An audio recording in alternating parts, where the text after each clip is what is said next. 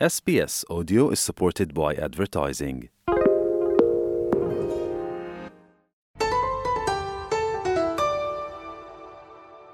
ඔස්ට්‍රලියාවේ පසුගිය මැයි මාසේ පැවතුණු මැතිවරණයෙන් බලයට පැමිණි කම්කරු රච්චය ඔවුන්ගේ පළමු අයවැය පසුගේ සතිය දිරිපත් කරනු ලැබවා.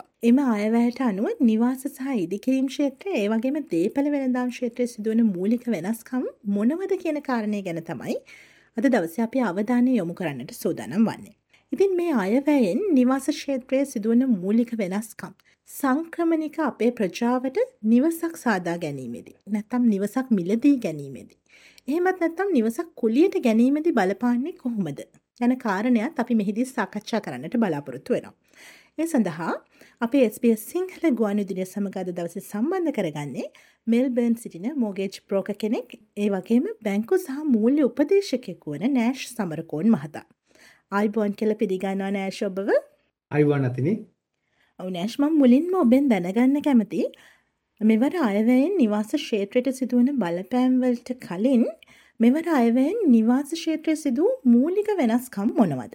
ඔව ඇතින මේ අයවැය එකටගේ ප්‍රධාන පරමාන්තය තමා ග්‍රේට් ඔස්ට්‍රේලියන් හවසින් ්‍රීම්ස් අවුට ෆ්‍රීච් කියන තැන තමයි එකටින්නේ ගැන මීට වඩා හොඳට කරන්න පුළුවන් මොස්ට්‍රේලියන් ගවමන්ට එකට මේ තියෙන හවසිං මාකට් එකට ඒ කියන්නේ හැම කෙනෙකුටම නිවාසයක් හිමි කර දීම තමයි ඒකට එක ප්‍රධානම අරමුණ.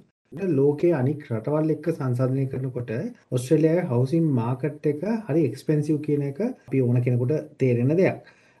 මීඩියම් හවුස් ප්‍රයිසිං එක ලක්ෂ 9ක් වගේ මේජර් සිටිස් වලට තියෙනවා.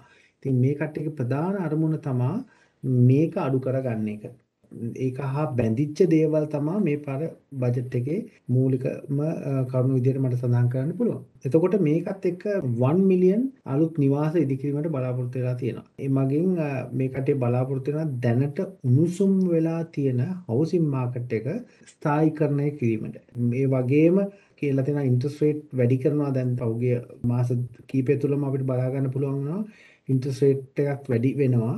ඒක වගේ හවුසින් ප්‍රයිස් එක අඩු කිරීමටත් ඒ කට්ටිය බලාපොරොත්තු වෙනවා. ප්‍රතිශතයක් විදිහට ගත්තම 120ක හවුසින් ප්‍රයිස් මාකට් එක ඩ්‍රොප් වෙයි කියලා තමයි මේ කට්ටිය බලාපොරොත්තු වෙන්නේ. උදාහරණයක් විදිහට ගත්තොත් මෙල්බන් අපි ඉන්න සිටි එකේ බැලුවොත් මීඩියන් හවුසින් ප්‍රයිස් එක සාමාන්‍යයෙන් මධ්‍යස්ථ අගය 7,74,000ක් විතර වෙනවා සාමාන්‍ය ඇවරේජ් ගයක්.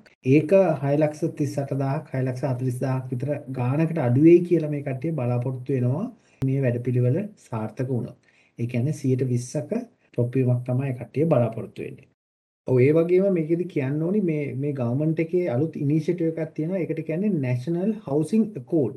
ඒ National Housing Accord කියන එකෙන් ගවර්න්මන්ට් එක බලාපොරොත්තු වෙනවා හැම ස්ටේට් එකක්ම සහභාගී කරගෙන ඒ වගේම ඒ ස්ටේට්ස් වල ඉන්න මේජර් ඩෙවලොපර්ස්ලා මේජර් ඉන්වෙස්ටර්ස්ලා ඔක්කොමලා සහභාගී කරගෙන 1 මිලියන් නිව් හවුසින් හදන්න අවුරුදු පහක් තුළ ඒ අවුරුදු පහ කියන්නේ 2024 ඉඳලා 2029 දක්වා. ඒ කියන්නේ මේ එතකොට මේ කෝඩ් එකට රජය විසින් 350 මිලියන් ඩොලර්ස් ෆන්ඩින් දෙන්න බලාපොරොත්තු වෙනවා. මේ වසර මේ වසර පහක් තුල ඇතුළත මේ ෆන්ඩින් වලින් ගෙවල් හදන්න තමයි මේ කට්ටිය බලාපොරොත්තු වෙන්නේ. එතකොට හැම ස්ටේට් එකකටම නිවාසවල ස්ථායි මිල ස්ථායීකරණය කිරීම තමයි මේකෙන් ප්‍රධානම අරමුණ වෙලා තියෙන්නේ. ඒ වගේම මේ කට්ටිය සුපර්ඇනිමේෂන් වලට සීනියර්ස්ලාට හවුසින් වලට කරන වෙනස්කම් වගේකුත් ඒ කට්ටිය බලාපොරොත්තු වෙලා තියෙනවා. ඒ කියන්නේ ඕල්ඩර් ඔස්ට්‍රේලියන්ස්ලාට එන්කරේජ් කරනවා. අපි කියන වැඩිපුර කියනවා මේ ගෙවල් ඔක්කොම ඩවුන් සයිස් කරන්න කියලා. ඒ කියන්නේ විශ්‍රාම යන්න කලින් පෙන්ෂන් ගන්න කටියට තියෙන ඇසට් ටෙස්ට් එකක්. ඒ ඇසට් ටෙස්ට් එක කරන යන්න මාස 12ක් හරි 24ක් වගේ කාලයක් ඒ ඇසට් ටෙස්ට් එක තමන්ගේ මොන හරි ප්‍රොපර්ටි එකක් ගයක් විකුණනවා නම් ඒකෙන් එක්සෙම් කරන්න ඒ කියන්නේ ගෙදර විකුණන එකේ වෙන සල්ලි සේල්ස් ප්‍රොසීඩ්ස් ඒ ඇසට් ටෙස්ට් එකෙන් අයින් කරන්න ඒ කට්ටිය යෝජනා කරලා තියෙනවා. ඒ වගේම ඩවුන් සයිස් කරන්න ඒ කියන්නේ සුපර්ඇනුවේෂන් කන්ට්‍රිබියුෂන් එක ගෙවල් ඩවුන් සයිස් කරන කට්ටියගේ කන්ට්‍රිබියුෂන් එකත් ඒක වයස් සීමාවත් 55ට 59 වගේ කාලයක් එක්ස්පෑන්ඩ් කරන්න බලාපොරොත්තු වෙලා තියෙනවා. මේවා තමයි කියන්න පුළුවන් මේජර් චේන්ජස් මේ පාර බජට් එකේ අපේ හවුසින් මාකට් එකේ තියෙන. ඔව් නෑෂ්. මීළඟට අපි කතා කරමු මෙවර අයවැයෙන් ඕස්ට්‍රේලියාවේ වෙසෙන ශ්‍රී ලංකාවේ අපේ ප්‍රජාවට මේ දේපළ වෙළඳාම් ක්ෂේත්‍රයේ බලාපොරොත්තු වෙන්න පුළුවන් වෙනස්කම් මොනවද? ඔව් අපිට බලාපොරොත්තු වෙන්න පුළුවන් විශේෂයෙන් අපිට කියන්න පුළුවන් අලුත් නිවාස ගොඩක් බලාපොරොත්තු වෙන්න පුළුවන්. ඒ කියන්නේ රීජනල් හවුසින් ස්කීම්ස් වැඩිපුර බල පේන්න තියෙයි. රීජනල් රෑන් ඩෙවලොප්මන්ට්ස් වැඩිපුර පේන්න බලාපොරොත්තු වෙයි. ඒ වගේම මේ කට්ටිය මුල් තැන දීලා තිනවා social and affordable renting houses කියන තැන.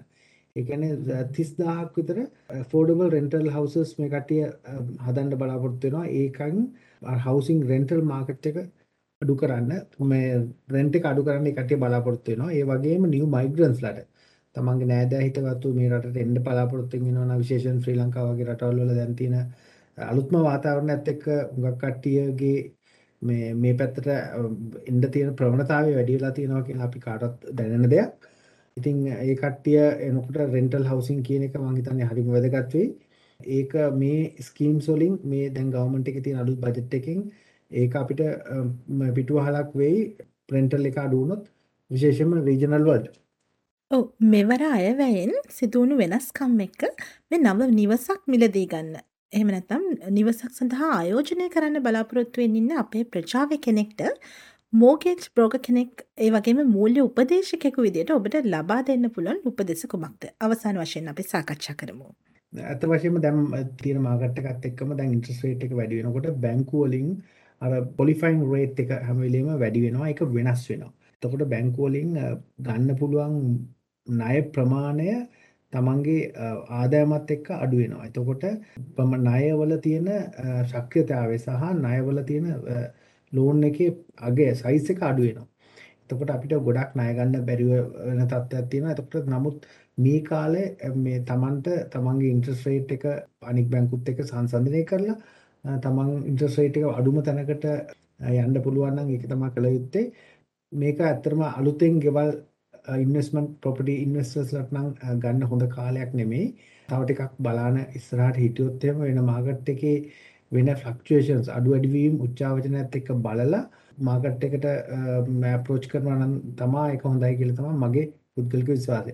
ඒ වගේම අලුතෙන් ගන්න කට්ටියට දැන් මේ අලුතෙන් එන ස්කීම්ස් එක ඉදිරියට හොඳ මේ මාකට් එකේ ෆස්ට් හෝම් බයර්ස්ලාට මේ ස්කීම්ස් එක එතකොට මම හිතනවා අලුත් ලෑන්ඩ් ඩෙවලොප්මන්ට්ස් ඒ ගොඩක් ප්‍රයිසිං ෆෝර්බල් විදියට විශේෂයෙන්ම රීජනල් ඒරියාස් වල ඉතින් ඒ කට්ටියට ඒ වගේ තියෙන බෙනිෆිට්ස් එක්ක ග්‍රාන්ට්ස් එක්ක අලුතෙන් ගන්න පුළුවන් කට්ටියට තව පහසුවක් හම්බ වෙයි කියලා මම බලාපොරොත්තු වෙනවා. ඒකට බලන්න ඉන්න එක තමයි අපිට කරන්න පුළුවන් ඒ කාලේ එනකම්. ඔව්. මේ ඇල්බනීසි රජයේ පළමු අයවැයෙන් නිවාස සහ ඉදිකිරීම් ක්ෂේත්‍රයේ සිදුණු වෙනස්කම් අපේ ප්‍රජාවේ කෙනෙක්ට නිවසක් මිලදී ගැනීමේදී එහෙම නැත්නම් කුලියට ගැනීමේදී ආයෝජනය කිරීමේදී බලපාන්නේ කොයි ආකාරයේද කියන වැදගත් මාතෘකාව තමයි අපි අද දවසේ සාකච්ඡා කළේ. ඒ සඳහා අප සමග සම්බන්ධ වුණේ මෙල්බර්න් සිටින මෝගේජ් බ්‍රෝකර් කෙනෙක් ඒ වගේම බැංකු සහ මූල්‍ය උපදේශකයෙකු වන නෑෂ් සමරකෝන් මහතා. ඉතින් නෑෂ් ඔබට බෙහෙවින්ම ස්තුතිවන්ත වෙනවා මේ කරුණු කාරණා SBS සිංහල ගුවන්විදුලිය සමග එක්වී පැහැදිලි කිරීම සම්බන්ධයෙන්. බොහොම ස්තුතියි අතිනේ බොහොම ස්තුතියි මේ සාකච්ඡාවට මට ආරාධනා කිරීම ගැන.